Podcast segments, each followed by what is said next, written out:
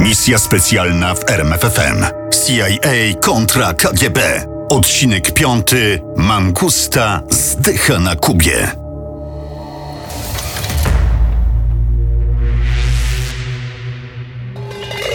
Nadszedł czas ostatecznej rozgrywki. W ciągu roku lub dwóch sytuacja bardzo się pogorszy. Jeśli nie chcemy, żeby Rosja założyła bazy rakietowe na Kubie, lepiej zdecydujmy już teraz, co robić, aby temu zapobiec. Tak pisał nazajutrz po klęsce w Zatoce Świń prokurator generalny Robert Kennedy, brat prezydenta. Rewolucja komunistyczna na Kubie nie była po myśli Stanów Zjednoczonych. Nic więc dziwnego, że wszelkimi sposobami starali się wyeliminować Castro bądź za pomocą dolarów i przywilejów przekonać do demokracji. Tymczasem tylko pogorszyli sytuację. Niepowodzenie Zatoki Świń ośmieli Sowietów do zrobienia czegoś, czego inaczej by nie zrobili. Mówił były prezydent Eisenhower. I potwierdzały to słowa samego sekretarza Nikity Chruszczowa. Wiem na pewno, że Kennedy nie ma silnego zaplecza, ani ogólnie rzecz biorąc, nie ma odwagi stawić czoła poważnemu wyzwaniu. Tymczasem politykę obu stron napędzał strach. Od pięciu lat CIA składała w Białym Domu niepokojące raporty na temat rosnącego arsenału radzieckich rakiet balistycznych z głowicami atomowymi. W 60 roku analitycy CIA prognozowali, że już w następnym roku armia radziecka będzie dysponować ogromną liczbą 500 rakiet. W Pentagonie powstał tajny plan uderzenia wyprzedzającego przy użyciu 300 rakiet z głowicami jądrowymi. Amerykanie zamierzali zniszczyć każde miasto i każdy obiekt wojskowy od Warszawy po Pekin. Nie lepiej było po drugiej stronie żelaznej kurtyny. Oficer łącznikowy NATO przy CIA, a jednocześnie agent KGB pisał: CIA nie jest tajemnicą, że koła kierownicze Pentagonu są przekonane o potrzebie rozpętania jak najszybciej wojny ze Związkiem Radzieckim. To były bzdury, ale Chruszczow w nie wierzył. Tym bardziej, że potwierdzili to agenci GRU. W marcu 1962 dwa razy GRU ostrzegało Chruszczowa, że Pentagon przygotowuje zaskakujące uderzenie jądrowe. Wydawało się, że świat stanął na krawędzi wojny nuklearnej. Aby uniknąć tragedii, prezydent Kennedy musiał mieć zaufanego człowieka na czele CIA. Potrzebował wiedzieć o wszystkim, co zamierza Nikita Chruszczow. Chciałbym, żebyś kierował wywiadem. Powiedział do brata. To nie najlepszy pomysł, John. Może poszukajmy jakiegoś przebojowego polityka. Potrzebujesz wsparcia po Zatoce Świń. Wybrali Johna McCona, polityka, który wcześniej współpracował z byłym prezydentem Eisenhowerem. Zasiadał w Radzie Bezpieczeństwa Narodowego i nienawidził komunistów. A Robert Kennedy pozostał prokuratorem generalnym. W styczniu 1962 roku nowy szef CIA usłyszał od Roberta. Obalenie Castro jest najwyższym priorytetem Stanów Zjednoczonych. To będzie trudne, Bob. Agencja ma tylko 12 agentów na Kubie. Naprawdę, niewiele jesteśmy w stanie zrobić. Ale Robert Kennedy był uparty. Wydał CIA szerokie dyrektywy. Chciał mieć po swojej stronie kubański kościół katolicki, zamierzał skorumpować kubańską policję, a nawet zniszczyć zbiory i uprawy rolne za pomocą broni biologicznej i chemicznej. Musimy doprowadzić do zmiany reżimu na Kubie najpóźniej do listopada 1962 roku. Czy to zrozumiałe? Pytał na spotkaniu z szefostwem CIA. Richard Helms, stary, doświadczony oficer, który odpowiadał za operacje specjalne, przyznał. Cała ta gadanina prokuratora generalnego to mrzonka. Nie uda się obalić Castro bez komandosów. A jego zwierzchnik, McCone, stwierdził wręcz, że do obalenia Castro potrzebna będzie wojna. Robert Kennedy pozostał głuchy na te argumenty. Bierzcie tyłki w troki, prezydent domaga się działania. I to już. Helms wstał, zasalutował i wyszedł. Przez kolejne tygodnie zbierał ekipę. 600 pracowników CIA i 5000 współpracowników kontraktowych. Szefem został znajomy z Berlina, szef operacji Jointly Bill Harvey. Operacji nadano kryptonim Mangusta. Celem miał być Castro. Czy Kennedy rzeczywiście chciał śmierci Castro? Pytał historyk Tim Weiner. Richard Helms przyznał. Na papierze oczywiście nic nie ma, ale nie mam wątpliwości, że tak. Castro nie zginął jednak od srebrnej kuli, jak tego sobie życzył Kennedy. Operacja Mangusta, na którą wydano 50 milionów dolarów, umarła śmiercią naturalną, mimo usilnych nalegań Roberta Kennedy'ego, by ją kontynuowano.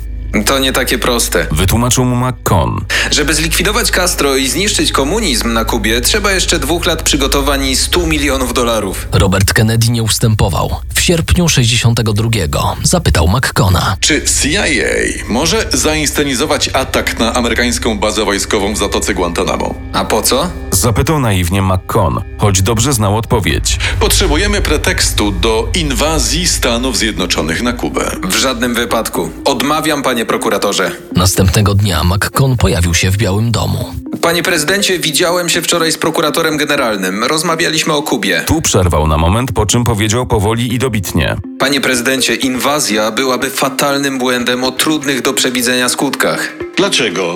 Kuba to nie potęga. Obawiam się, że Moskwa rozmieściła na Kubie rakiety średniego zasięgu. Nasz atak mógłby wywołać wojnę jądrową. Masz na to dowody? Niezupełnie. Przez ostatnie dwa miesiące do portów kubańskich przypłynęło 38 radzieckich statków. Mogły przewozić elementy pocisków rakietowych. Mogły? Tego dokładnie nie wiemy, ale możemy się o tym przekonać, informując prasę o radzieckich rakietach na Kubie. Zobaczymy, jak zareaguje Chruszczow. Nie, nie, nie. Nie będziemy prowokować Moskwy. Ale jeśli uważasz, że te rakiety rzeczywiście tam są, to może warto zastanowić się, czy nie lepiej wysłać naszych komandosów, żeby zniszczyli te stanowiska. McCon tylko westchnął. Już mówiłem, jakikolwiek atak na Kubę grozi tragicznymi konsekwencjami. Na tym rozmowa się zakończyła. McCon nie przekonał Kennedy'ego. Postanowił więc zdobyć dowody.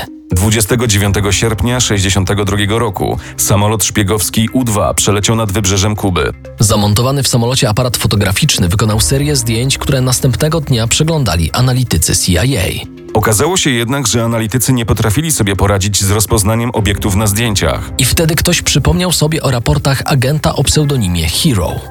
Wśród zgromadzonego materiału znalazło się wiele zdjęć pokazujących różne etapy budowy radzieckich wyrzutni rakietowych. Kim był Hero? Od wiosny 1961 roku pracował dla brytyjskiego wywiadu CIS i amerykańskiego CIA. Był oficerem GRU i nazywał się Oleg Pieńkowski. Pienkowski miał nieoficjalne przywileje. Był przyjacielem szefa GRU generała Iwana Sierowa i marszałka Siergieja Warencowa, dowódcy wojsk rakietowych. To właśnie powołanie się na przyjaźń z marszałkiem Warencowem pozwoliło Pienkowskiemu zdobyć ściśle tajne plany poszczególnych faz budowy stanowisk rakietowych. Pieńkowski informował również, że Związek Radziecki nie ma tak wielu rakiet, jak to prognozowali analitycy CIA. Systemy paliwowe rakiet zawodzą, pisał w raportach, a system naprowadzania jeszcze nie został przygotowany. Kiedy więc porównano zdjęcia zrobione przez U2 z fotografiami Pieńkowskiego, obraz sytuacji na Kubie zaczął się wyjaśniać. Mam. To stanowisko rakiet Ziemia-Powietrze. Następne loty U-2 miały to potwierdzić. Ale kiedy 9 września samolot U-2 zestrzelili Chińczycy gdzieś nad Morzem Żółtym, prezydent Kennedy zakazał lotów rozpoznawczych nad Kubą. McCona nie było w Waszyngtonie. Wyjechał w podróż poślubną, nie mógł więc wybić z głowy prezydentowi tej nierozważnej decyzji. Ślepota USA trwała długie 45 dni. Dlatego ani CIA, ani prezydent nie wiedzieli, że w połowie września na Kubie zainstalowano pierwsze radzieckie rakiety średniego zasięgu. Nie wiedzieli również, że Chruszczow wysłał Fidelowi Castro 43 tysiące. Ale analitycy CIA pomylili się jeszcze w jednej kwestii. Rozmieszczenie na Kubie radzieckich sił uderzeniowych jest sprzeczne z radziecką polityką. Tymczasem Chruszczow chętnie przystał na prośbę Fidela Castro, aby utworzyć w Hawanie bazę operacyjną dla, jak to ujął, eksportu rewolucji socjalistycznej w Ameryce Łacińskiej. Minęły kolejne dwa miesiące i Chruszczow uznał, że warto zbudować na Kubie bazy rakiet z głowicami jądrowymi. Decydując się na ten krok, Chruszczowa przekonał szef GRU generał Iwan Sierow. Kiedy Amerykanie zorientują się, że mają nasze rakiety pod nosem, na reakcję będzie już za późno. Sierow i Chruszczow zapomnieli o latających na wysokim pułapie samolotach szpiegowskich U-2. A przecież dokładnie rok wcześniej, 1 maja 1961 roku, osobiście wydał rozkaz zastrzelenia samolotu U-2, który wleciał w radzie sowiecką przestrzeń powietrzną. Pilot samolotu Francis Gary Powers katapultował się, przeżył i trafił do radzieckiego więzienia, w którym zadbali o niego śledczy z KGB. A miał wiele do powiedzenia. Na szczęście dla Stanów Zjednoczonych ten błąd Chruszczowa wykorzystał szef CIA. McCon miał zupełnie inne zdanie. Kiedy wreszcie wrócił z wojaży, kazał swoim analitykom jeszcze raz przemyśleć cały problem. To wówczas zwrócono uwagę na raport szarego agenta, Kubańczyka, którego zadaniem było obserwowanie drogi pod San Cristobal. Zauważyłem konwój ciężarówek z 20-metrowymi naczepami. Ładunek o rozmiarach grubych słupów telefonicznych. Jest przykryty prezentowymi plandekami. Agent nie znał szczegółów. Nie mógł więc poinformować centrali, że na wyspie znalazło się już ponad 100 rakiet. Ten jeden agent, jedyny przyzwoity efekt operacji Mangusta powiedział nam, że dzieje się coś niepokojącego. W połowie października, pierwszy od 45 dni, U-2 pojawił się nad wyspą. W ciągu 6 minut zrobił 928 zdjęć. Następnego dnia, późnym popołudniem, analitycy CIA już wiedzieli, że patrzą na rakiety średniego zasięgu SS-4. Rakiety mogą przenosić megatonowe ładunki jądrowe. W zasięgu rakiet zainstalowanych na Kubie znalazł się Waszyngton. Następnego dnia rano Richard Helms przyniósł zdjęcia z U-2 do biura prokuratora generalnego. Robert Kennedy siedział za ogromnym biurkiem i dokładnie oglądał jedno zdjęcie za drugim. Kiedy skończył, wstał i podszedł do okna. Był wyraźnie poddenerwowany. Niespodziewanie odwrócił się do Helmsa i zawołał. Cholera. A niech to cholera weźmie i wszyscy diabli. Daliśmy się oszukać Chruszczowowi. Kryzys zaczynał wymykać się spod kontroli. Prezydent zwołał grupę specjalną EXCOM, złożoną z jego najbliższych doradców. Tym razem niewiele mieli do powiedzenia. Kennedy siedział wpatrzony w zdjęcia. Wreszcie zapytał. Ile czasu mamy, zanim wystrzelą te rakiety? Nie wiemy, panie prezydencie. Odezwał się McCon. Do tej pory na żadnych zdjęciach nie widzieliśmy takiej instalacji. Nawet w Związku Radzieckim? Nawet. Dlaczego Chruszczow to zrobił? Nie, nie rozumiem, o co mu chodzi. Ale nie możemy pozwolić, by radzieckie rakiety zostały na Kubie. Musimy je zniszczyć. I to załatwią nasze myśliwce. Po drugie, przygotujemy potężne uderzenie bombowe na Kubę. To była zapowiedź kłopotów, zwłaszcza dla szefa operacji specjalnych w CIA Richarda Helmsa. Czekało go wiele pracy. Zanim do akcji wejdzie lotnictwo i komandosi, Helms musiał przygotować pięcioosobowy zespół agentów. Kazano nam wsadzić tych ludzi na okręt podwodny i wysłać na Kubę. Po co, zapytacie? Mieli wysadzać radzieckie okręty w portach, zniszczyć stanowiska rakiet ziemia-powietrze i odszukać wyrzutni rakiet z głowicami jądrowymi. To nie był dobry plan i Helms o tym wiedział. Zajmował jednak zbyt niskie stanowisko, aby postawić się prezydentowi. Dlatego obawy Helmsa i wielu innych generałów, oficerów wywiadu i polityków wyraził Marshall Carter, wiceszef CIA. Wkroczycie na wyspę z zaskoczenia. Zniszczycie wszystkie rakiety i myślicie, że wygracie? Mylicie się. To nie będzie koniec, a raczej początek pierwszy dzień III wojny światowej. Żeby podkreślić ponurą wizję Cartera, odezwał się McCon.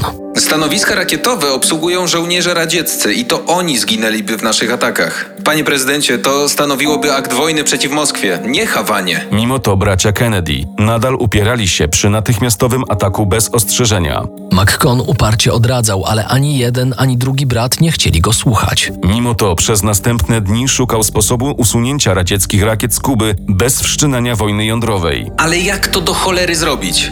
Zaraz, zaraz, mamy przecież potężną flotę. A gdyby tak ogłosić całkowitą blokadę wyspy, muszę to obgadać z Bobim. Bobby, czyli Robert Kennedy, nie zapałał entuzjazmem do pomysłu. Podobnie sekretarz stanu Rusk i oczywiście obecny zawsze przy boku prezydenta Robert McNamara, sekretarz obrony. Mieli jednak tyle zdrowego rozsądku, aby przestudiować prawne możliwości blokady morskiej i przygotować jej plany. Kiedy po nieprzespanej nocy omawiano pomysł blokady w gabinecie owalnym, McCon zaczynał zyskiwać poparcie. Najpierw przekonał Bobiego. Potem przyszła wiadomość, że plan blokady popiera również prezydent Eisenhower. Ale szala przechyliła się na stronę McCona dopiero w niedzielę 21 października. John McCon odpoczywał w domu po trudnym, pracowitym tygodniu, kiedy spokój przerwał mu dzwonek bezpiecznego telefonu. Panie McCon, dzwonię z Białego Domu. Proszę czekać na połączenie z gabinetem prezydenta. Przepraszam, e, że przeszkadzam, John, ale mam ważną sprawę. Zgadzam się na Twój plan. Ruszamy z blokadą Kuby. Następnego dnia wieczorem miliony Amerykanów zobaczyło prezydenta na ekranach telewizorów. Po pierwsze, aby powstrzymać tę ofensywę, rozpoczyna się ścisła kwarantanna całego ofensywnego sprzętu wojskowego wysyłanego na Kubę. Będziemy traktować każdy pocisk nuklearny wystrzelony z Kuby przeciwko jakiemukolwiek narodowi półkuli zachodniej jako atak Związku Radzieckiego na Stany Zjednoczone i wymagający pełnej odwetowej odpowiedzi. Blokada zaczęła obowiązywać o godzinie 10, 24 października 1962 roku. Ponieważ mimo wszystko ryzyko wojny było wysokie, cała armia Stanów Zjednoczonych została postawiona w stan gotowości bojowej. Tego dnia i każdego następnego szef CIA John McCone prowadził odprawę w Białym Domu. W armii radzieckiej podwyższono stan gotowości bojowej. Na Atlantyku Rosjanie mają tylko okręty podwodne. Nie wiemy ile dokładnie. Wiemy natomiast, że płyną w stronę Kuby. Po kilkudziesięciu minutach zażartej dyskusji McNamary z Kennedym na temat co robić, gdyby flota radziecka próbowała się przebić przez blokadę, ktoś wszedł do gabinetu. Podszedł do McCona i podał mu niewielką kartkę. Panie prezydencie, właśnie dostałem wiadomość. Sześć radzieckich statków zatrzymało się. Dwa zmieniły kurs. Zawracają. Napięcie opadło, ale nie ustąpiło zupełnie. Sytuacja nadal była groźna. Lakonicznie skomentował to sekretarz stanu Rusk. Patrzymy sobie z Rosjanami prosto w oczy i zdaje mi się, że oni mrugnęli. Porównanie przywołane przez sekretarza Raska dobrze oddaje sytuację, w jakiej znaleźli się Amerykanie i Rosjanie jesienią 62. Nie można jednak zapominać, że gra toczyła się o najwyższą stawkę. Sięgano więc do różnych chwytów i tych oficjalnych, i tych nieoficjalnych. Od maja 61 roku prokurator generalny Robert Kennedy i Georgi Bołszakow, oficjalnie szef waszyngtońskiego biura TAS, raz na dwa tygodnie urządzali sobie nieoficjalne spotkania. Między nami narodziła się autentyczna przyjaźń. Przyznał prokurator. Robert Kennedy wiedział przy tym, że Bołszakow był pułkownikiem GRU, bo to właśnie GRU, a nie KGB, grało w Waszyngtonie pierwsze skrzypce w początkach lat 60.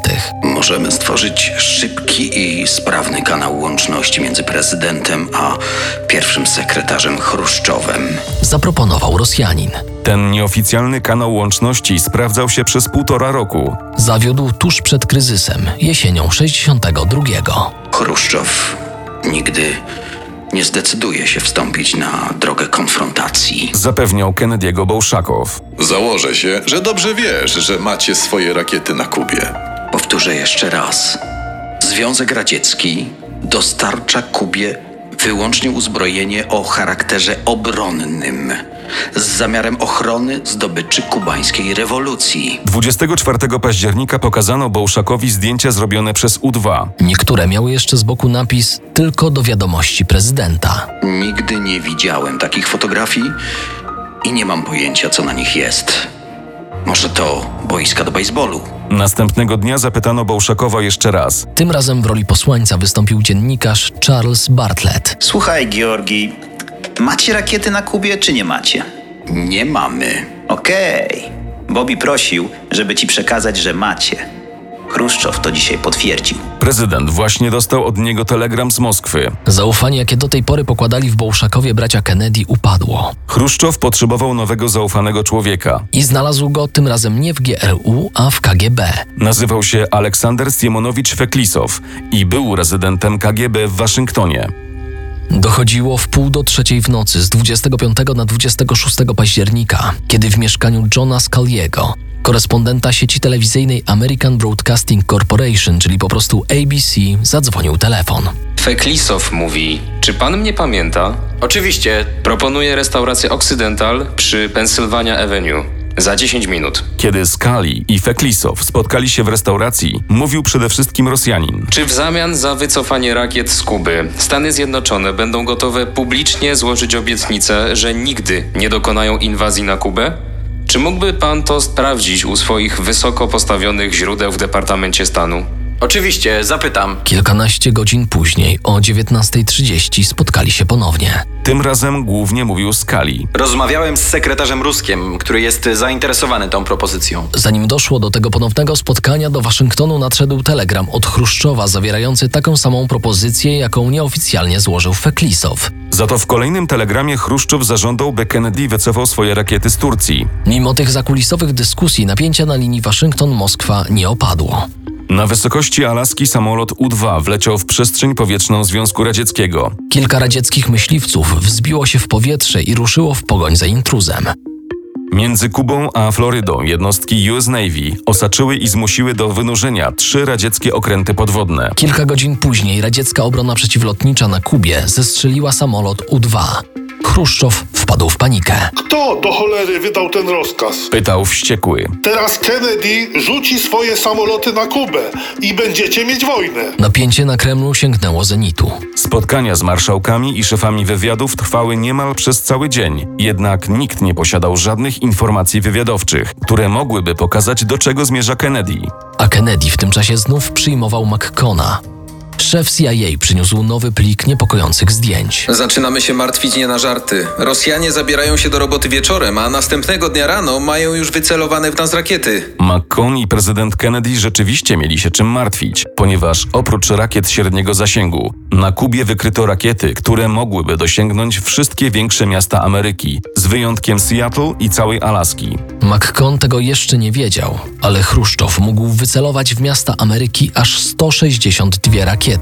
Z tym, że wcale nie chciał tego zrobić. Być może będzie trzeba rozłożyć wyrzutnie rakietowe i zabrać je z wyspy. Powiedział na spotkaniu biura politycznego, czym zdziwił towarzyszy partyjnych. Jeśli tego nie zrobimy, to Kennedy stwierdzi, że w zaistniałej sytuacji politycznej zmuszony jest dokonać inwazji Kuby. Mylicie się, towarzyszu sekretarzu. Odezwał się minister obrony marszałek Malinowski. Szef KGB kazał przekazać, że żadne nasze źródła w Waszyngtonie nie wspominają o agresji. Sierow, który nie miał powodu żywić sympatii do szefa KGB, nie mylił się w swoich ocenach. Semiczastny został szefem KGB przed niespełna rokiem. Chruszczow go wybrał, bo liczył na lojalność i nie pomylił się. Ceną była bierność KGB w polityce zagranicznej, co zresztą Chruszczowowi nie przeszkadzało. Podczas kryzysu kubańskiego semiczastny nie wykazywał najmniejszej inicjatywy, dlatego Chruszczow nie zapraszał go na spotkania biura politycznego. Źródła KGB opierają się na pogłoskach i plotkach krążących między dziennikarzami, których nikt nawet nie dopuszcza do tajemnic Białego Domu. Chruszczow miał rację, szyfrogramy nadsyłane zza oceanu nie zawierały żadnych tajnych informacji. Żaden agent KGB i GRU nawet nie zbliżył się do grupy EXCOM. Chruszczow postanowił spróbować innej metody. Wykorzystał nieoficjalne rozmowy Feklisowa z Johnem Scalim. Wiele sobie po nich obiecywał. Najpierw kazał ogłosić w Radiu Moskwa oświadczenie. Rząd radziecki zdecydował o zdemontowaniu stanowisk broni ofensywnej na Kubie. Rakiety powrócą do Związku Radzieckiego. Propozycja Chruszczowa zawierała jednak jeden warunek. W zamian Amerykanie musieli wycofać rakiety z Turcji. Liczył, że o tym ogłoszeniu poinformują prezydenta jego agenci. Nie mylił się. To całkiem rozsądna propozycja. To był mój pomysł. Zauważył McCon. Proponowałem to już tydzień temu i przez ten czas nikt nawet nie chciał o tym rozmawiać. A teraz, kiedy wyszedł z tą propozycją Chruszczow, wszyscy biją mu brawo. Aby oficjalnie potwierdzić zgodę na porozumienie, późnym wieczorem Robert Kennedy spotkał się z ambasadorem ZSRR Anatolijem Dobryninem. Stany Zjednoczone akceptują propozycję obustronnych ustępstw. Kryzys kubański dobiegał końca. Jesienią 1962 roku Rosjanie wycofali swoje rakiety z Kuby. Wiosną następnego roku Amerykanie wywieźli rakiety z Turcji i z Włoch. Chruszczow uniknął wojny, do której nie był przygotowany, ale w gruncie rzeczy przegrał. Nie udało się zbudować baz rakietowych u brzegów Stanów Zjednoczonych. Gdy zastanawiał się nad przyczynami porażki, musiał dojść do wniosku, że bez sprawnej siatki wywiadowczej nie można liczyć na sukces w polityce zagranicznej. Musiał więc odbudować KGB. A co kryzys oznaczał dla CIA? Nowy szef John McCone, mimo ogromnej roli, jaką odegrał w zażegnaniu ryzyka wojny, nie zyskał przychylności prezydenta. Pozostał jednak na stanowisku szefa agencji do wiosny 65 roku.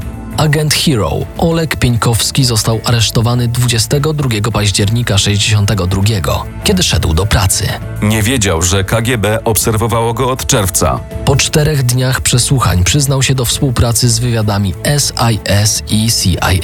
Przestraszony perspektywą kary śmierci, zaoferował swoje usługi jako podwójny agent. Ani KGB, ani GRU nie skorzystało z tej oferty.